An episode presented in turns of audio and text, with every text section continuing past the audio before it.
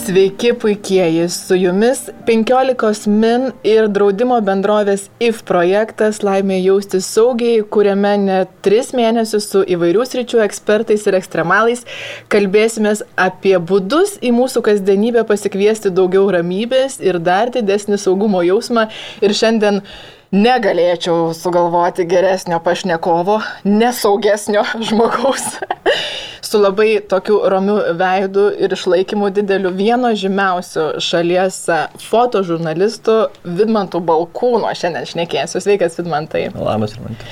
Tai aš galvoju, taip mes ir pradėsim nuo to. Aš iškart noriu e, žiūrovams pasakyti, kad kalbėsime apie Vidmanto nuotikius visokiose ekstremaliuose situacijose ir ramybės ir e, saugumo pamokas, kurias iš jų atsinešė ir technikas, kurias naudoja.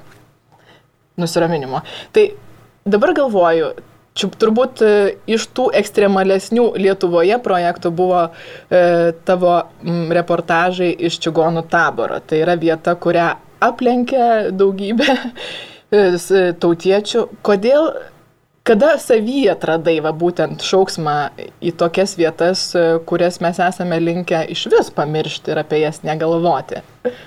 Aš galvoju, gal tokie dalykai susidėlioja pačiam per daug nenorint. Ir aš va, nekartą mačiau apie tai, kodėl mane traukia tas vietas ir ypač dirbant fotožurnalistu. Ir viena iš tų minčių hipotezių yra tai, kad mano pats pirmas fotografavimas, kuomet pradėjau dirbti jau profesionalių fotožurnalistų ir pats pirmas darbas buvo ryte a, nuvažiuoti nufotografuoti gulintį lavoną, antras darbas buvo gaisras. Ir turbūt tai truputį kerta į smegenis ir, ir po to jau tau, kaip čia pasakyti, užsifiksuoja, kai tu gauni tai, tu jau paprastesnių darbų emociškai nelabai nori. Nes tai tampa, nu, nesakau nuobodu, bet kažkaip, nu, per pilką. Ir tada bandai lysti, lysti, lysti ir kuo, kuo toliau eini, tuo daugiau tų emocinių išgyvenimų per va tą tokį virpėjimą turbūt reikia. Tai pameni savo tą pirmą darbo dieną, kas didesnė, nežinau, kas labiau sukrėtė, ar tas buvimas gaistre aplink gaistrą, ar būtent to negyvo žmogaus fotografavimas? Jeigu tikrai tai niekas nesukrėtė, bet, bet tai buvo kažkas naujo, kažkas nepatirto ir va tas toks pažinimo džiaugsmas turbūt, nu, jis ir yra tas variklis, kur tu eini ir ieškai, eini ir ieškai, vis, vat, ko dar, kur dar neįlintis, ko dar nepamatęs, ko dar nenufotografavęs. O tavęs nesukrėtė tai, kad tavęs nesukrėtė? Mm, tada ne, dabar kartai sukrečia, kai, nu, nesakau, kad sukrečia, pagalvoju, kad, nu, gal nėra visiškai normalu, kai, kai tu matai supausi lavoną, kirmelis iš akių lenda ir tau nulis emocijų. Ta prasme, tu žiūri kaip į, nu, kaip į negalvoji, koks jis žmogus buvo, kaip ten vargšas, kaip jo gailėsis, tu žiūri jį kaip į mėsą, ta prasme, tai yra mirė žmogus, reikia su juo padaryti tai, ką reikia, įdėti į lavonmaišį, užsekti, padėti išnešti ir, ir kartais būna tokių atvejų, kada, tarkim, pareigūnai arba pareigūnės ypač, kurioms reikia nufotografuoti lavoną, jos nu, kažkaip labai nejaukiai jaučiasi, tai tu pasiimi tą fotoaparatą, už jas padarai įkalčius, nu, nesakau, kad įkalčius surinkai, būtent nufotografuoji. Kartais būna, kad reikia padėti kokiems nors tie, kas atvažiuoja jau pasimti lavonų, išnešti juos, taip nusifotografuoji, pasidarai savo darbą ir tada įimi rankinas ir neši tuos, tos žmonės padedi jiems. Tai, tai va šitose vietose kažkaip, nu, man tai yra visiškai įprasta ir, ir nu, Iš tikrųjų, kriminalinė fotografija yra atskiras netgi žanras, ar ne? Jis tokia yra tų įkalčių fotografavimas, mes ją ir žurnalistikoje šiek tiek jos e, turėjome, kai studijavom. Bet dabar galvoju, jeigu tau tos situacijos, kurios vieniems atrodo absoliučiai nepakeliamos arba kažkaip morališkai arba fiziškai gazdinančios, e, yra, na kaip, tai yra darbas, kas tau pačiam yra nesaugumo jausmas, kada tu jautiesi nesaugus, neramus. Nežinau. Aš tu, turiu, turiu vieną arba dvi tokias baimės, nu, kurias aš iki šiol atkasiau. Kai baigėsi švarios koinės, žinai. tai, bet jos biškai per kitą prizmę susiję. Ir, ir viena iš jų yra bijau nesvarumo būsenos. Tai yra, tarkim, nežinau, šokti su guma, virve, su parašiutu, aš esu tą daręs, bent jau su parašiutu šokęs, bet tai man žiauriai nepatinka kaboti su virvė 100 metrų aukštį nuo dangoraižio arba urve, viskas ok, nes tu jauti kažkokį, nu, pririštą siūlą. Mhm. Bet, vat, uh, iššokti, nušokti, tai vat, čia man yra peilis. O kitas peilis yra maži, mm, nežinau, tai gal neįsižeis niekas žiūrkšuniai. Didelių, viskas ok, aš su jais uh, glostau, nebijau, kartais gal net per daug nebijau, bet vat, šitie mažiukai atbėga, Prasme, man per kūną nueina, jaučiu, supranti, kad jis, nu, nu, nu jis jokios grėsmės nekelia, bet, nu, va, per kūną tas toks šiurpas nueina. Ir iki šiol nesugebu aš tos baimės įveikti. Nu, ją valdau, bet aš ne, fiziologiškai jinai vis dar Gal praeitam gyvenime buvai koks nors vabalas, kurį suvalgė toksai žodžiai. Ne, iš tikrųjų mažiukai jie yra mažiau prognozuojami, nes jie labai turi didelį ego ir labai yra, turi kovoti už savo išlikimą ir jie linkia į agresiją. Labiau pasitikinti savim. Kaip tavo šeima reaguoja į tai, kad tu važiuoji į karo zonas, kad tu dirbi pavojingą darbą, nežinau, tėvai nesako, už ką mums toks sunus, kodėl negali fotografuoti žmonių ant raudono kilimo. Aš manau, kad jau įprato, o, o šeimoje tai apskritai jau, jeigu jau mato, kad, kad uh, tampu ir zlesnis, tai net man pasiūlo, gal tu važiuok, iš, iš, išvažiuok, padirbėk savaitę kur nors Ukrainoje priešakinėse, nusiraminsi, normalus tapsi, o dabar jau kažkaip tai susitvarkyk maždaug. Tai kartais būna netgi atvirkštinis toks uh, pasiūlymas. Išvažiavimas į karo zoną, pirmasis tavo, kokie buvo lūkesčiai, baimės, nežinau, kaip ruošiaisi, kad ar ėjai kažkokius specialius kursus saviginos, išlikimo, pirmos pagalbos, foto, kaip fotoreporteriai, fotožurnalistai ruošiasi tokiam kelionėm, kad kaip įmanoma maksimaliai pasidovanoti savo jausmą saugumo. Jeigu kalbėt apie tą baimę arba bandym pasiruošti, baimę ir emocinį kažkokį krūvį prieš išvažiavimą, tai kiekvienas kartas ten važiuojant yra pirmas kartas. Ir vat netgi paskutinį kartą, kiek čia prieš keletą mėnesių Kalnų Karabache, prieš važiuojant į Kalnų Karabacho konfliktą, žiauriai bijo. Tai prasme, man stresas mušė per, per visus galus, per iki, iki skrydžio, nežinau, ten likus savaitėjai iki tokio lygio, kad tu kartais galvoji, na, fik, ne, liksiu, nevažiuosiu. Bet ir tas vyksta kiekvieną kartą. Tai prasme, nesvarbu, ar tu pirmą kartą važiavai, ar tu važiuoji penktą ar dešimtą.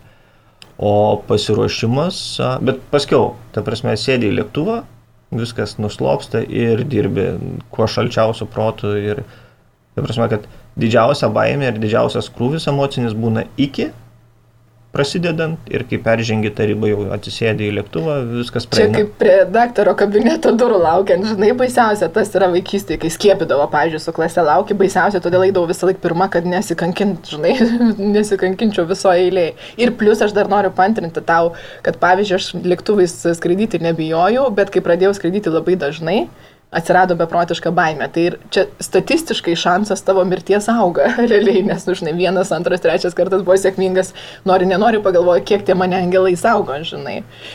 Tai va, o jeigu tęsiant toliau apie pasiruošimą, tai iš principo rizikos žurnalistams yra skirto, skirstomos į tokias tris dalis.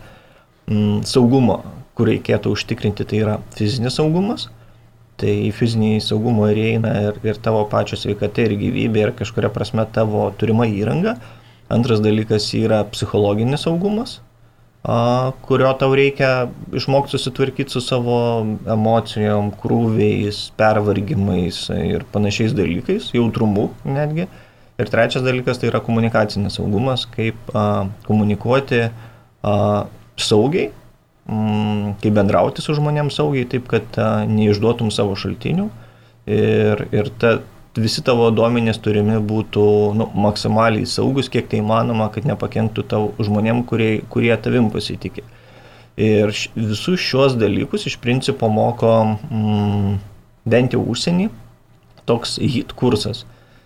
Jis ten šifruojasi Hostile Environment Awareness Training, darbas nepalankiomis sąlygomis. Ir užsienio agentūros ir apskritai užsienio žiniasklaido priemonės savo žmonių į konfliktinės zonas, nebūtinai tai turi būti karas, tai gali mhm. būti riaušės, tai gali būti, nežinau, žemės drebėjimai, potviniai ar kažkas panašaus, jų neleidžia, kol jie nebaigia šitų kursų. O tose kursuose yra kas mokama? Mokama kaip, kaip išvengti, nu, neišvengti, kaip elgtis, kai yra apšaudimas vyksta, artilerijos, snaiperių, tada kaip suteikti pirmąją pagalbą, o jinai skiriasi nuo to, kaip mes esame įpratę, mhm. nes jeigu vyksta apšaudimas ir kokia šautinė žaizda, mūsų paprastai niekas nemoko kaip šautinė žaizdas mhm. ap, aptvarstyti, vyksta netgi imitacijos tave pagrobę. Tave pagrobė ir tave minimaliai kankina tu bet kada gali pasakyti stop, bet tada tu greičiausiai nebaigsi kurso ir negausi to pažymėjimo. Ką Ta... reiškia minimaliai kankina? Labai lietai kiša pagaliukus į panagės arba lietai pila tau vandenį ant veido? Ką tau daro? Minimaliai. nu, sakykime, trumpai. Nu, pavyzdžiui, trumpai, pavyzdžiui, pavyzdžiui. pavyzdžiui, vienas iš kankinimo būdų, waterboardingas yra, kur uždeda rankšluos ten veido ir pila vandenį. Taip, taip. Tai va, nu tai tarkim duoda tau ne, ne 30 sekundžių, o kokias 5 sekundės, kaip pavyzdys, kad... kad tai esi tu tą patyręs? Koks tai jausmas, nes aš tik filmuose esu mačius. Nu, tas jausmas, nežinau, jis toks, kaip čia pasakyti, labai sunku įvertinti, kai, kai tu tos ribos savo neperžengiai, kad nu, keletą sekundžių, penkias, ten kokias dešimt pabandai, tu nejauti to tikrojo dusimo. Mhm bet kai tave visiškai nuvarytų nuo kojų, kai tave psichologiškai palaužtų ir dar šitą darytų, aš nu, nebejoju, kad, ta prasme, kankinimam atsilaikyti nei vienas mes negalim. Klausimas, kiek laiko mes galim ištemti tai. Tai, tai, va, tai nežinau, tarkim, kitas būdas - elektra, elektrošokas.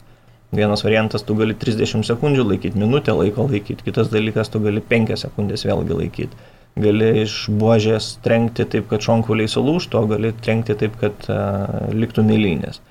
Bet būna žmonių, kurie labai trokšta važiuoti į va, tas pavojingas zonas, pauosto šitų kursų ir sako, ne, sorry, čia ne mano kelias. Visai geras būdas pasitikrinti save, ar ne? Taip, tas irgi yra gerai, nes jeigu tu laiku supranti, kur sustoti, kad, kad tu per daug užsisvajojai, tas, tas, tas labai gerai. Gerai, iš tų kursų pasimta, minėjai, va, psichologinis pasiruošimas, būdas nusiraminti, būdas pailsinti smegenys, kai yra jau jos pertemtos. Ką, kuo galėtum pasidalinti su žiūrovais iš šitų triukų? Mm. Aš manau, kad tai yra kiekvienas, kiekvienu atveju skirtingas um, reikalas mhm. ir kiekvienam žmogui, uh, kaip čia pasakyti, skiriasi tie dalykai. Jeigu toj pačioj stresinėje situacijoje, tai aš manau, kad kuo daugiau mes išsibandom iki to, kuo labiau save varom į nepatogias situacijas, į diskomforto būsenas, į, į kažkokias baimį veikimus ir panašius dalykus, kuo daugiau tas potyris mūsų kyla, tuo mes labiau žinom, kas mūsų laukia ir tuo mes nu, nebūnam šokiruoti, kai tai vyksta. Ir mes galim šiltesnių protų tai daryti.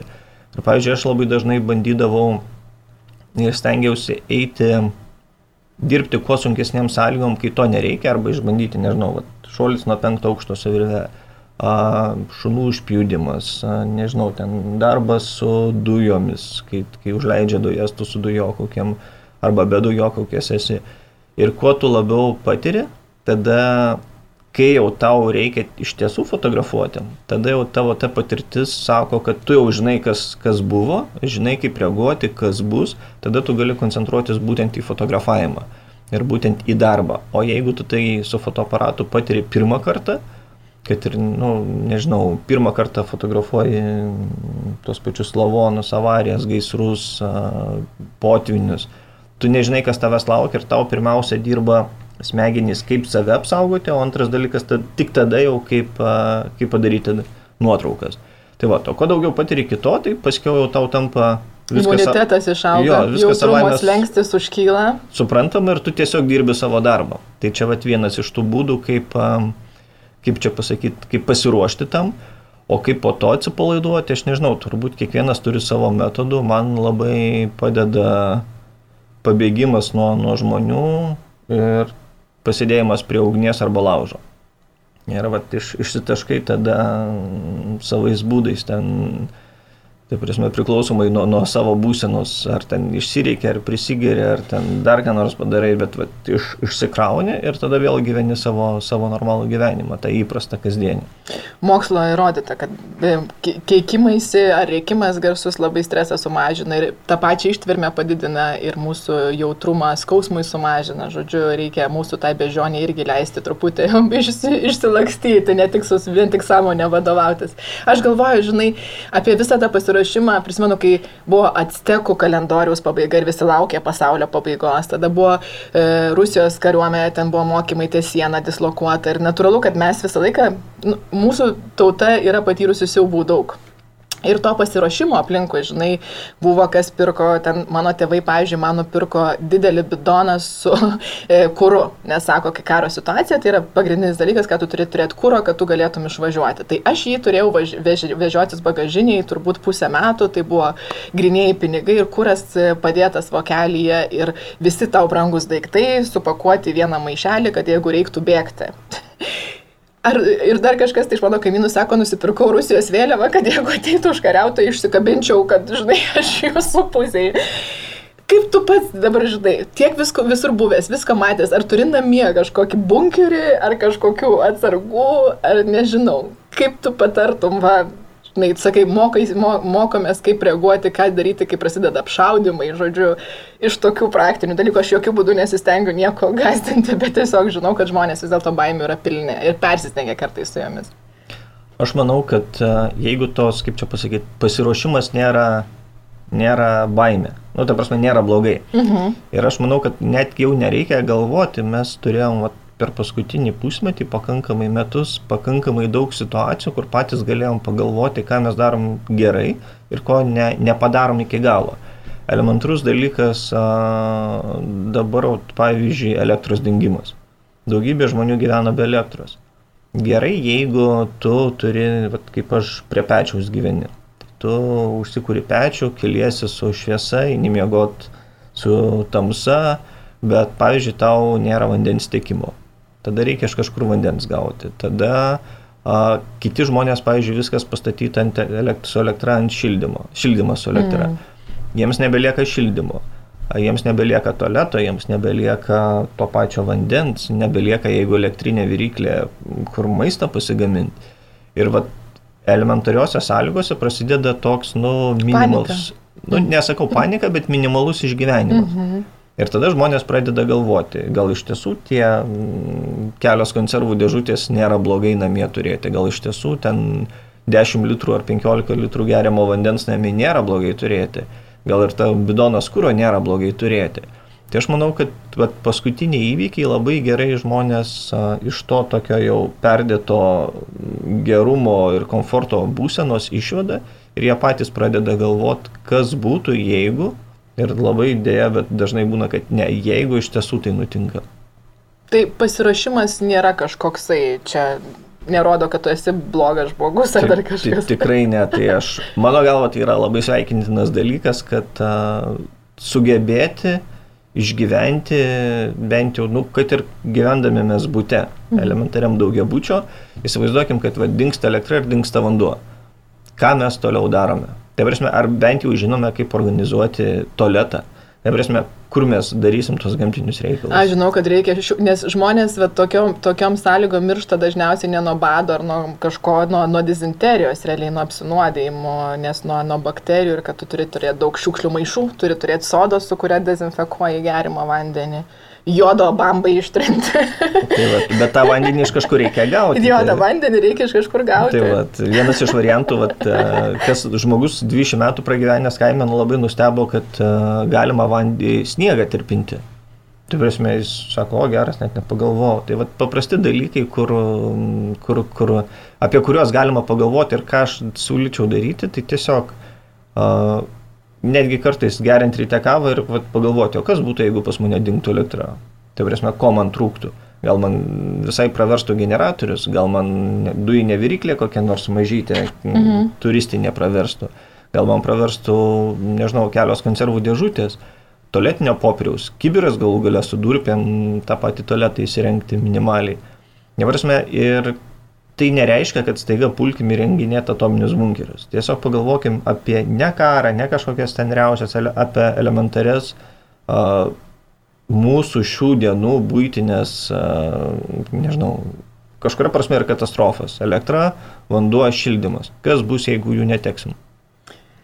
Labai gerai išvalga. Iš tikrųjų, dabar galvoju, kad tu esi dar vienas iš tų žmonių, kuris buvo vienas pirmųjų turbūt Lietuvoje speleologijos urvų, urvų meno mokslo ir e, pradininkas Lietuvoje, entuziastas. Manęs į urvą niekaip nei, neįkiši. Aš galvoju iš karto ten apie dusimą, pavojus ir visą kitą. Kur tu e, jautiesi, vat, kad tavo gyvybė yra didžiausias pavojus? E, Ar tu kažkaip tais, nežinau, apsidraudi dėl to, kad turi tokius ekstremalius pomėgius nuo karo zonų iki urvų, nežinau, kokiam giliausiam esi buvęs urve? Na, nu, visų pirma pataisysiu, kad ne, lietuviai 60 metų iki manęs jau ėjo į tos urvus, tai, tai čia... tai tikrai... tu turbūt buvai pirmas žmogus, kuris man apie tai papasako ir tada aš googlinau, prisimenu prieš daug daug metų Lietuvos ryte turbūt man dar papasakoja apie šitą, tai man ir užsifiksavo, tu kaip, kaip tau lavonas pirmą darbo dieną, taip man speleologija ir Vidmantas. Tai, tai jos urvais, tai nežinau, man, man po žemė yra daug jaukiau ir daug maloniau ir saugiau jaučiuosi negu ant žemės. Ta prasme, gulėdamas tam siauram tuneliukė, kad ir purvinam uolinam, bet tu, nežinau, aš ten kažkokį neišpasakytą jaukumą jaučiu. Ir, ir, ir tas galbūt keista, bet, bet taip yra. O jeigu kalbėti apie tos giliausius ir, ir ir, nu, galbūt, nežinau, giliausias nereiškia sudėtingiausias urvas. Tai mano giliausias yra kilometro, kilometro gilį po žemę buvau nusileidęs. Po to buvo vienas iš tokių įdomesnių dalykų, kur 44 metrus pranėręs urve buvau. Nu, tai prasme, kur tu atini prie kalno, yra tokia bala. Mhm. Ir norint į urvą patekti, reikia nerti. Tai va, tu... Bet tai su įranga tu neri. Taip, su Aha, įranga, gerai. ten su, su, su krūva balionų, nes įprastai įranga jau ten nebetinka, ten reikia naudoti mišinius ir ten išsiimti, tarkim, 30 metrų gilį, išsiimi vieną kandiklį išmeti, pasiimi kitą ir įsidedi. Ir, ir tada išneri urve, gyveni ten kelias dienas, darai darbus ir tada jau neri atgal. Tai pavyzdžiui, ten buvo nutikęs vienas toks labai įdomus jausmas, apie kurį daug skaičiau bet niekada neteko iki to laiko pačiam patirti, tai yra mm, kosmoso, nežinau kaip pasakyti, jausmas, kada aš neriau su sausu kostiumu ir matomumas buvo praktiškai nulinis, tai yra, kad tu nu, per sprendimą tai ir neriam prisirišę prie virvės žemyn, jau išnerinėjom ir man susimaišė plūdrumas, dabar mes susimakalojau, kažkas nuvarė, aš paskutinės ėjau ir aš suprantu, vat, kai jau, jau atsistojau, suprantu, kad virvė taip eina. Aš suprantu, kad jinai taip turi būti, bet jinai eina taip. Mhm. Ir tu suvoki, kad tu visiškai nesupranti. Tai prasme, tu matai kažkokią sieną ir nežinai, kur viršus, kur apačia, kur, kur, į kurią pusę plaukti ir ką daryti. Tai o tavo laikas kažkaip yra limituotas e, pasiekti tikslui, ar vis dar turi kažkokią atsargą? Ne, tai atsargą visą laiką turi. Mm -hmm. Čia svarbiausia yra nesupanikuoti. Tai mm -hmm. tuo, tuo atveju, ką aš padariau, tai pasimiau gilmatį. Ir ta virvė, kuri žinau, kad jinai yra vertikali, tai prasme, jinai man stovi taip. Ir tu, nu, va, tas, tas jausmas, kad sunku suprasti, kaip tai įmanoma, tai prasme, kad, kad nesiorientuotum, kur viršus, kur apačia, kur... Nu, aš tiesiog einu į, į dešinę ir žiūriu, gilis mažėja. Tai mhm. Tai vadinasi, dešinė tai yra mano viršus, mhm. o čia yra kairė, kairė tai apačia, kurią man reikia. Ir tada reikia taip, žinai. Nu ir tada eini į kairę ir, ir, ir, ir išplaukiau. Wow, nes aš galvoju, kad tu sakysi apie tą, žinau, kad e, kas neria į didelį gilį, kad kažkaip tais prasideda cheminės reakcijos kūne ir tada aptemsta protas. Dėl... Tai, tai ten buvo viena tokia netgi vieta, kur vadinasi gliučka. Tai lietuviškai išvertus, kaip jinai būtų...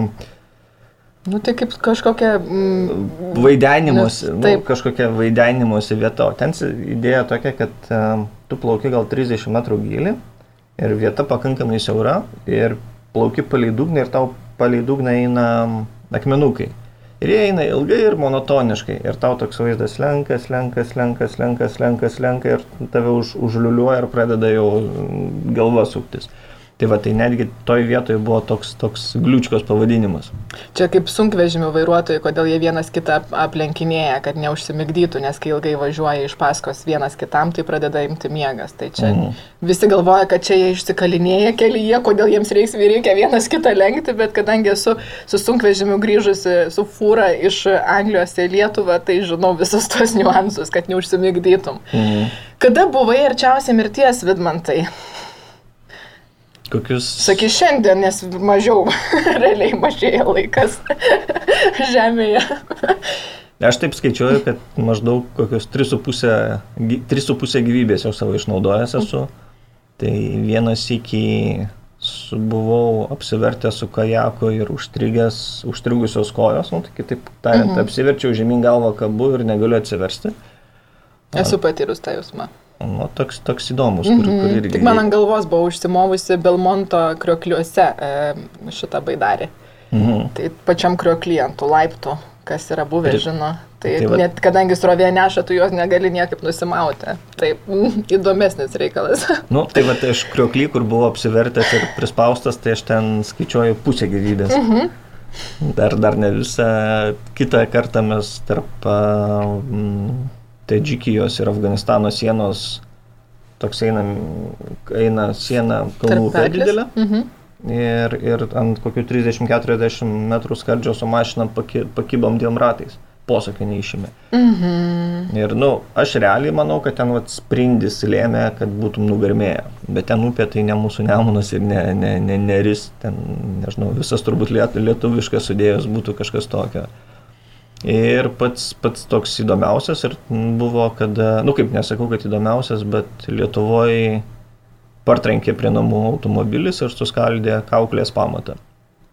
Tai jau čia tik, tu gali apvažiuoti visą pasaulį ir kažkurioje vietoje prie namų ap... Tai jokiausi tada, va, reanimacinė mane išveždinėjo ir, ir su, su visais įtvarais, su visko ir sako, nu, va, Afganistanas, Kosovas, Ukraina, šuoliai parašiutų, speleologija, alpinizmas, kas tik nori, ar prie namų eini ir tau bam. Ir, nu, nuo likimo nepabėgsi. Kiek, kiek lemta, tiek lemta turbūt. Galvoju, kad dar e, pavasaris artėja, artėja ir potviniai, rusniškiai, visos apylinkės pamariškiai yra tavo mylimi ir nufotografuoti, nukalbinti, ką būtent iš tų žmonių, ko išmokai, e, kalbant apie ramybę ir kai yra aplinkui neramu ir tau virtuvėje yra metras vandens.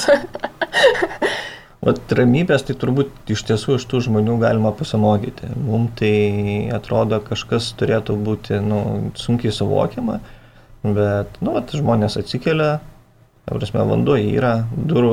Vat įdomu, kaip su durim dabar tik pagalvoju, kai būna toks laikotarpis, kada vanduo pakyla ir jis dar netgi užšala, ledas. Tai tada vat, aš mačiau, kaip moteris išeina kaplį pasiima ir eina pas kaiminę, iki pusės brenda ir su kapliu tą kelią prasimuša. Prasimuša. Šaktarpis berots tas vadinasi laikotarpis, kada su valtim jau nebegali plaukti, nes valtis nepralaužia to ledo, bet ant viršaus stotis irgi negali, nes jis tavęs neišlaiko. Tai aš buvau į tokį laikotarpį patekęs, bet tai jų ramybė, toks paprastumas į tas, nu, tos problemas, nu, nežinau, galbūt kažkiek priminė man atvejį Ukrainos priešakinėse linijose, uh, Marinkos miestelį yra tokia situacija, kad Marinka yra padalinta pusiau pusė priklauso ukrainiečiam, pusė separatistam, siena tai eina linija per tokį, nežinau, ten gal upelis, bet eina mm, netarpeklis, kaip čia pasakius, nu tokia loma. Mhm. Upelis greičiausiai ten teka. Ir vienoj pusėje gyvena dėdukas ir ten kažkuriais metais uh, prakiuro jo stogas. Jis užlipo ant to stogo, taisyti stogą, iš sepuro pusės sniperis jam bam šalia kulką paleido. Ir jis sako, aš suprantu, kad turbūt į mane, bet, nu, stogas tai keuras, jį reikia sutvarkyti. Ir jis toliau, tai prasme, nu, nu, karas karų, bet stogą, stogą tai reikia sutvarkyti. Ir jis toliau tą susitvarkė stogą, nusileido ir liko gyvas. Tai vad jų toks nežinau, kartais galbūt perdėtas pripratimas prie pavojų, bet jis naudoda labiau daug ramybės. Ir vat, atvykęs į tokias vietas, stengiasi žiūrėti, kaip reaguoja vietiniai. Ne kas tau iki to laiko buvo pripasakota, ten baisu, nebaisu, ten pavojinga, nepavojinga. Visą laiką žiūri, kaip elgesi vietiniai. Prasme, kaip jie vertina pavojus. Jeigu jie eina šį čia, okei, okay, valio, jie geriau žino situaciją eini kartu su jais. Jeigu jie sako, ne, bičias, tu va tos atkarpos nebėg per gatvę, nes tave nušaus, okei, okay, viskas tvarkoji, klausai jų. Iš principo, kaip ir tu minėjai, apie pasiruošimą ir tą kultūrinį kažkokį, vykstantį kažkokias pavojingas zonas, labai svarbus išmanimas vietinių kultūros, kas yra draudžiama, kas leidžiama. Man teko ir pulkininkas Valerijus Šerelis man yra pasakojęs, kiek, kart, kiek padėdavo žinojimas išmanimas vietinės kultūros, ar ten Afganistane tam pačiam, sako, jeigu mes važiuojam su visureigiu per, per miestelį ir mūsų vaikai mėto akmenim, mes labai džiaugiamės, nežinom, kad niekas nešaudys, nes vaikai gatvėje, žinai. Arba jeigu yra senolių gatvėje, tai lygiai taip pat nešaudys, nes to, tos kultūros ypatingai vertina vaikus kaip ateitį, o senolius kaip išminti. Tai... Tai man, man buvo su to Afganistanu irgi toks atvejis, kada Mes skridom į Afganistaną su civiliniu lėktuvu ir Frankfurte, kur, iš kur jau ėjo į Kabulą skrydis, mm, žiūriu, afganistanietis perka šnapsą. Sakau, o tai galima, jo, jo, sako, galima, nu gerai, galvoju, nu, tokiuose vietose visą laiką vienas kitas butelis praverčia, nu, kaip, kaip, kaip dovanėlė, mhm. šalia kitų. Uh, Pasimiau aš tos kelis butelius, įsidėjom ir gavosi taip, kad mes nusileidžiam šitam, privažiuoja prie lėktuvo kortežas, pasiima tą bičią, kuris sakė, galima, galima į Afganistaną. Aš tik paskiau at, at, at, at, atgaminau visą tą. Pasirodo, jis buvo kažkoks ministras, jis be jokios patikros su savo buteliais sėda į tas mašinas ir išvažiuoja per vartus, o mes einam per patikrą.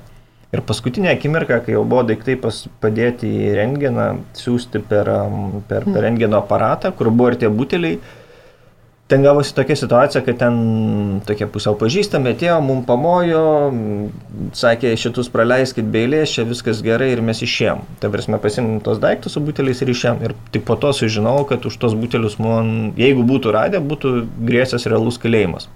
Tai prasme, nes tai yra draudžiamas alkoholis. Aišku, ten po to būtų turbūt ištraukę mane iš to kalėjimo po savaitę. Bet tai va, tos kultūros nežinojimas kartais gali prie nu, labai skaudžių dalykų privesti. Tai gerai, kad tuo atveju mes taip labai nu, praslydom sėkmingai. Bet tai... kitą kartą gali būti ir daug didesnių bėdų. Tai iš to, ką e, perskaičiau iš šito pokalbio, jeigu taip rezimuojant, turbūt didžiausią saugumo jausmą dovanoja pasiruošimas, savęs treniravimas, baimių savo įveikimas, labai sąmoningas, savęs pastatymas į nepatogias situacijas. Taip. Ir išvedimas, iš, išmokti iš save išvesti iš komforto zonos, nebijoti iš jos išeiti, nebijoti iššokti į akitį, nebijoti uh, užsipjudyti šunimą, aišku, su apsaugom, nebijoti pabandyti to pačio elektrošoko, nebijoti, nežinau, sušlapti, nebijoti sušalti ir visą laiką galvoti, kaip kitą kartą padaryti geriau. Elementariai, vat, gyvenu dabar pirkiai laikinai ir tau šalta, tada pradedi galvoti, per kur eina šaltis, kaip užsidėti, ką padaryti, kad to šalčio neįtų, kaip taupyti, kaip apsišildyti, kaip išsaugoti tą šilumą ir va, tu pradedi kitaip žiūrėti į, į tuos paprastus dalykus. Iš principo, aš manau, kad ir lipdami per save mes labai daug įdomaus apie save pačius galime sužinoti. Tai dar vienas ramybę dovanojantis jausmas. Tai labai ačiū, čia buvo e, fotožurnalistas Vidmantas Balkūnas ir kompanijos draudimo bendrovės e, ir 15 min projektas Laimė jausti saugiai. Su jumis buvo Rimantė Kulvinskytė. Iki kitų susitikimų.